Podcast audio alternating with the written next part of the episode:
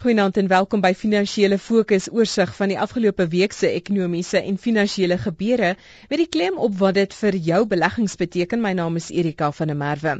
Nou as mens terugstaan en kyk na markgebeure van die afgelope klompie maande, is dit duidelik dat wêreldekonomieë nog steeds nie normaal vertoon nie en dat dit geensins duidelik is in watter rigting dinge van hier af sal beweeg nie.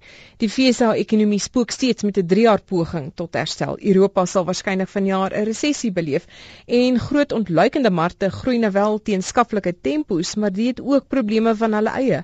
Vanaand se gaste om van hierdie temas te bespreek, Nerina Visser, hoof van beursverhandelde fondse by Nedbank Capital en Frans van Wyk, beleggingshoof by Kadies. Hallo aan julle. Hallo Erika, hallo luisteraars. Hallo Erika. Nerina, hoe sien jy die sake? Ons het uh, nou verdere ekonomiese syfers van Amerika gehad die afgelope week, redelike belangrike syfers. Onder andere BBP groei vir die eerste kwartaal 2.2% af van 3% van die einde van verlede jaar en al die tekens wat ons nou onlangs gehad het, sê maar die afgelope maand vanuit Amerika, dis nie 'n duidelike prentjie van wat daar aangaan in die huismark, in die arbeidsmark of in die uh, selfs die vervaardigingssektor nie. Ja, Erik het definitief sekere tekens gesien dat die Amerikaanse ekonomie sy kop 'n bietjie oplig en en definitief miskien relatief beter lyk as byvoorbeeld Europa, maar dit is definitief nog nie 'n sterk groeipatroon wat daar teenwoordig is nie en en baie mense bevraagteken die volhoubaarheid daarvan. Die eerste kwartaal se BBP syfers was definitief teleurstellend en ek dink as ons kyk na die die syfers wat ons die afgelope week gekry het rondom die arbeidsmark in in Amerika, dui dit daarop dat die tweede kwartaal dalk ook 'n moeilike kwartaal kan wees. Ons praat nie van 'n resessie soos wat mense met heelwat van die lande in Europa praat nie, maar dit is definitief groei op vlakke wat laer is as wat die um, Amerikaanse ekonomiese kapasiteit is. En ek dink dit is deel van die bekommernis wêreldwyd dat hierdie grootste ekonomie in die wêreld nie volgens kapasiteit kan groei nie en as gevolg daarvan as die as die engine van die wêreld se se ekonomiese groei trein is daai engine met ander woorde nie sterk genoeg om ons deur die volgende paar maande te trek nie. Ek dink dis eintlik maar die die bekommernis rondom Amerika. Frans, iets waaroor ons al nou 'n klompie weke al gesels het op hierdie program is die feit dat jy het hierdie onsekere vertoning van die Amerikaanse ekonomie, maar tog sy sy aandelemark as jy kyk na van die maatskappye resultate oor die algemeen beter as verwag. En dan tussenin nog die opwinding van Facebook se notering hierdie maand. Ja, ek dink dit is dit som eintlik baie goed op. Die Amerikaanse sakelei het uh, hulle besigheidskool kennis tentoongestel hulle het kostes gesny, aggressief uh, mense afgelê en sodoende hulle eie winsgewendheid uh, beskerm. Maar uh, soos Marina sê, die ekonomie in totaliteit groei uh, onder kapasiteit en dit is maar omdat daar word nie regtig werk geskep op die stadium nie. Dit was produktiwiteitsgroei. Jy weet hulle het mense afgelê en uh, so winsgroei was daar, maar die ekonomie in in in totale grootte het nie het nie regtig verskriklik gegroei nie. So dit is maar, jy weet tot tyd terwyl die sakelei nie verplig is om mense in diens te neem nie, uh, gaan nie die koek nie regtig van groei nie.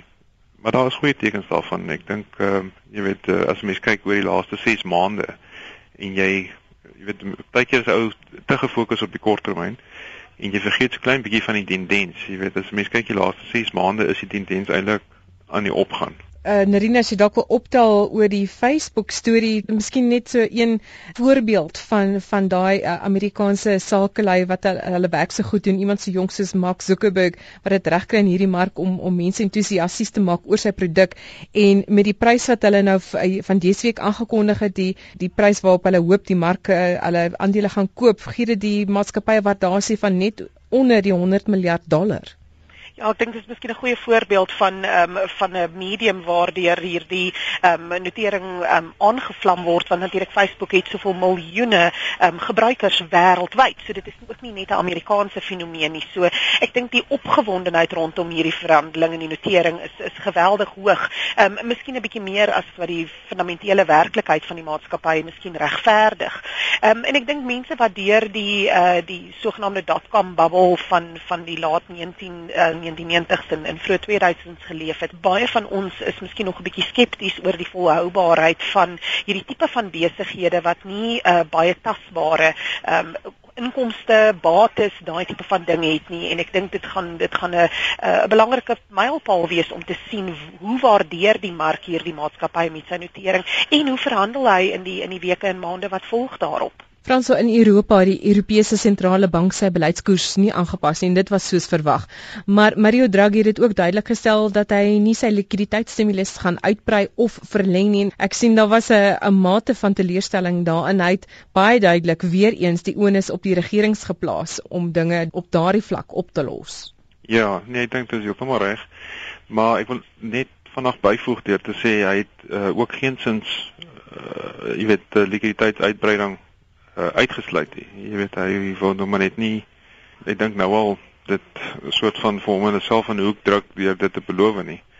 En ek dink dit gaan maar oor dat hy sien sy rol om sistemiese risiko te bestuur, met ander woorde om die bankstelsel gesond te kry sodat uh, die bankstelsel skokke kan hanteer sodoende sistemiese risiko verlaag.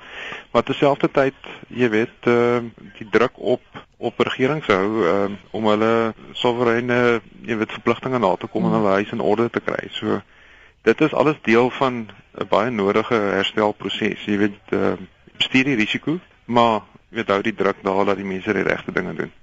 Nerina as mense verder kyk na die onderliggende ekonomiese syfers in Europa wat ons die week gesien het, die aankope besieders indeks vir die hele streek was um, die swakste lesing in amper 3 jaar. Werkloosheid vir uh, Maart maand van 10.6% en dan weer eens amper bietjie soos wat ons in Amerika sien, die maatskappy syfers uh, vertel effe 'n ander storie.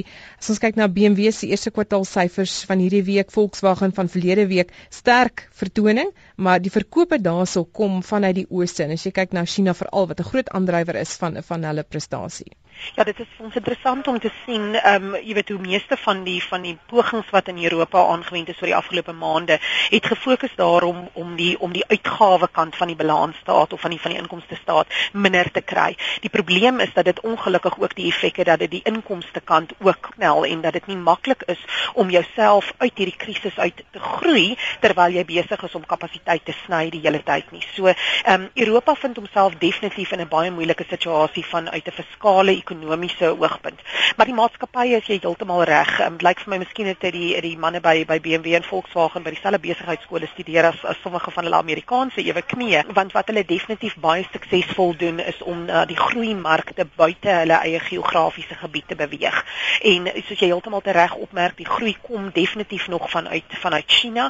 As ek dink aan ons eie motorverkoopsyfers wat wat die afgelope week ook bekend gemaak is, moet um, van ons sakelei dalk ook weer 'n uh, 'n bietjie gaan kyk presies hoe om dit daar te doen want ons grootste uitvoermark gaan na Europa toe wat juist die ene is wat so swaar kry. Miskien moet ons ook um, 'n um, bietjie weier kyk en verder kyk en eerder gaan fokus op markte wat beter groei het as ons eie mark. Frans, as jy kyk dan na ons motorverkope syfer, Nerina verwys nou na ons uitvoere wat met 11% gedaal het April maand op 'n jaar op jaar vlak. Plaaslike verkope nie te sleg nie, maar ook nou nie vreeslik opwindend nie en ek dink dit geld vir ons ekonomiese aanwysers in die breë, geen opwindende groei tekens nie. Nee, jy weet uh, ons vervaardigingssektor is natuurlik die die sektor wat moet deurkom om die groeikoers te te help versnel. Die verbruiker het tot nou toe eintlik maar die die las gedra met rentekoerse wat laag bly en die banke wat nou weer begin uh, meer bereidwillig is om geld uit te leen, gaan dit natuurlik 'n uh, ondersteunende faktor bly. Maar jy weet uh, vir 'n ekonomie om regtig waar op volle kapasiteit te groei met al die sektore 'n bydrae lewer en in daai lig is vervaardiging uh, belangrik en so ook jou primêre sektore veral met verwysing na die mynbousektor. En daar is die groei in die ontleikende markte en in China, jy weet natuurlik van kernbelang. Maar uh, ek is vol vertroue dat dit gaan gebeur. En ehm um, jy weet en ek dink dit is waar die geleenthede is in die aandelemark. Is miskien in meer daai ondergewaardeerde, meer sikliese maatskappye wat dan gaan presteer as die as die groei deurkom. Ek gaan twee voorbeelde uitlig wat uh, miskien uh, op 'n op 'n manier demonstreer wat jy nou gesê het Frans. So ons het handelsverklaringe gesien van Vodacom en Astral Foods onder andere. Vodacom wat sê sy voljaar verdienste gaan met 5 tot 10% groei. So daardie tipe diensemaatskappye wat jy nou verwys het wat nog steeds goed doen. Astral Foods vervaardigingsmaatskappy, maar redelik defensief natuurlik as gevolg van die feit dat hy voedsel produseer. Sy eerste helfte winste kan met 16 tot 19% daal sê as gevolg van stygende kostes wat nie ten volle verhaal kan word nie. So daai prys mag wat nie bestaan onder ons vervaardigers nie. Narina Frans het verwys na die banke. Netbank het eerste kwartaal uh, syfers gelewer en uh, die lyk ook sterk. Renteinkomste wat met 11.5% groei, nie renteinkomste groei met 15%. Banke het in die week 'n nuwe intradag hoogtepunt bereik. Wat gaan aan? Jong, ek dink dit is maar definitief 'n teken van uh die die situasie dat die kredietverleningsomgewing in Suid-Afrika is tog besig om te verbeter. Ons het dit wel ook die afgelope week gesien met die met die uitreik van die van die kredietsyfers in Suid-Afrika dat daar definitief meer lewe is in daardie mark en ek dink ons sien dit definitief in die waardasies van die banke. Jy weet ons het nou vir vir 'n goeie 2 jaar nou is is rentekoerse op min of meer dieselfde vlak, die korttermyn rentekoerse in Suid-Afrika. En ek dink so 3 jaar na die groot uh ekonomiese ekonomiese krisis wêreldwyd, ehm um, is die Suid-Afrikaanse banke nou 'n bietjie gemakliker om om daai leningskriteria bietjie nie te verslap nie, maar ek dink daar is meer kapasiteit. 'n Belangrike aspek was dat as ons na die kredietverleningssyfers kyk wat vroeër die week bekend gemaak is, dat die korporatiewe sektor besig is om om ook 'n bietjie by sy kant sy kant by te bring en ek dink dis 'n baie belangrike teken wat ons sien in die mark. Dit kan nie net van die van die private verbruiker afhang nie en ehm um, uit die aard van die saak wil mense natuurlik graag sien dat daardie kredietverlening aan aan besighede gebruik word om om uit te brei, om kapasiteit daar te stel, om werk te skep, om ehm um, jy weet net net die die vermoë vir hulle self om beter ehm um, finansiële groei in die toekoms te kan hê dat dit is waarop die geld spandeer sal word.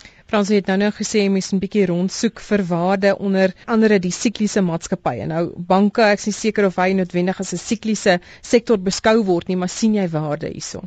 Nie regtig nie. Ek dink die banke was eh, jy weet 'n jaar gelede baie goedkoop, maar ehm um, jy weet operasioneel is dinge tog aan die verbeter. En ehm um, ek dink dit is ook maar mens moet 'n bietjie na die siege van die mark gaan kyk in die sin dat jou voor die hand liggende defensiewe maatskappye en geleenthede is nou redelik duur. So die mark ewe skielik um, stel nou baie meer belang in iets soos die banke. Jy weet waar jy sit met noem dit nou maar verdienste groei sekerheid oor die volgende paar jaar. Al is die kwaliteit van daai groei nie so goed nie. Jy weet baie van die winsgroei is omdat hulle voorsienings uh, word teruggeskryf. Jy weet dit is eintlik maar net 'n boek inskrywing. Dit is nie regtig op grond van 'n snel groeiende kredietboek en snel groeiende nie rente inkomste nie. Maar ewe skielik stel die mark daarin belang. So dit is maar 'n kwessie van van alternatiewe geleenthede. En dit is duidelik dat die mark nog nie belangstel in in jou ware sikliese maatskappye soos hulpbron maatskappye nie. Maar as 'n mens gaan kyk na waarde, jy weet, ehm um, vergeet nou 'n klein bietjie van die die huidige marksentiment en die uh, bekommernisse wat daar is oor volhoubaarheid van ekonomiese groei lê die waarde baie beslis in jou hulpbron en in jou uh, tipiese sikliese maatskappye. Kan jy meer spesifiek raak Frans want ek moet sê die afgelope hmm. klompie weke sê meeste fondsbesitters dis waar hulle die ware sien die groot is die BHP bulletins die Anglos ensovoorts. Ja. Nee, dit is beslis uh, Anglo American en Bulletin is nie net goedkoop nie, hulle is ook eintlik goed gediversifiseer. So jy kan verwag dat jy weet fondsbestuurders uh, beleggers gaan miskien eers daar begin koop voor hulle kom by jou jou platinum en jou jou staal verwante maatskappye wat miskien meer monotoon uh, is van 'n jy weet van 'n produklyn.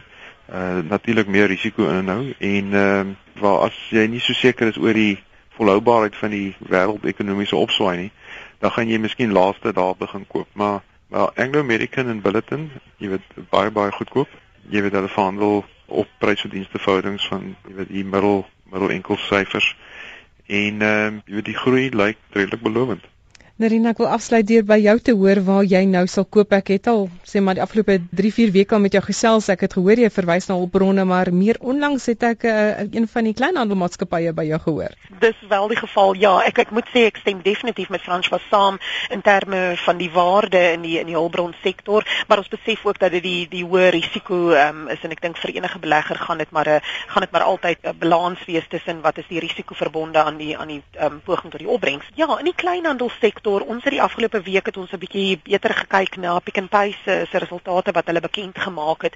En dit was nie soseer die resultate wat ons um, geïnteresseer het nie, maar eerder ek dink ons eie vertroue in die volhoubaarheid van die korporatiewe soort van veranderinge wat hulle aangebring het. En dit is een van die redes hoekom ons aansienlik meer positief oor Pick n Pay voel. Hulle was definitief 'n onderpresteerder binne die kleinhandelsektor oor die afgelope paar jaar. Ehm um, en ek dink hulle het nou 'n paar groot dinge gedoen wat hulle net in 'n baie beter posisie plaas plaas om ek dink in die volgende 2 tot 3 jaar ehm um, miskien 'n bietjie van daardie glans wat hulle in die verlede gehad het weer te kan terugkry. So ons is ons is baie opgewonde oor die manier wat hulle ook nou hulle self in staat stel om om te deel in die groei wat in die lae inkomste, lae en middelinkomste groep is deur hulle Boxer brands byvoorbeeld, maar dan ook baie belangrik dink ek is dat hulle gaan kyk na hulle eie winsmarge en definitief sien dat in die korporatiewe um, areas hulle baie beter marges kan kry en op daardie manier hulle winsgrens dalk 'n bietjie meer beskerm. Nerina baie dankie. Nerina Visser is hoof van beursverhandelde fondse by Nedbank Capital. Sy het nou afgesluit deur te gesels oor Pick n Pay. Franso, dankie ook aan jou. Franso van Wyk is beleggingshoof by Cadys. My naam is Erika van der Merwe. Dankie dat jy saam geluister het, saam gekuier het. Ons is volgende Sondag aan 20 voor 9 weer hier. So 'n geseënde week vorentoe. Totsiens.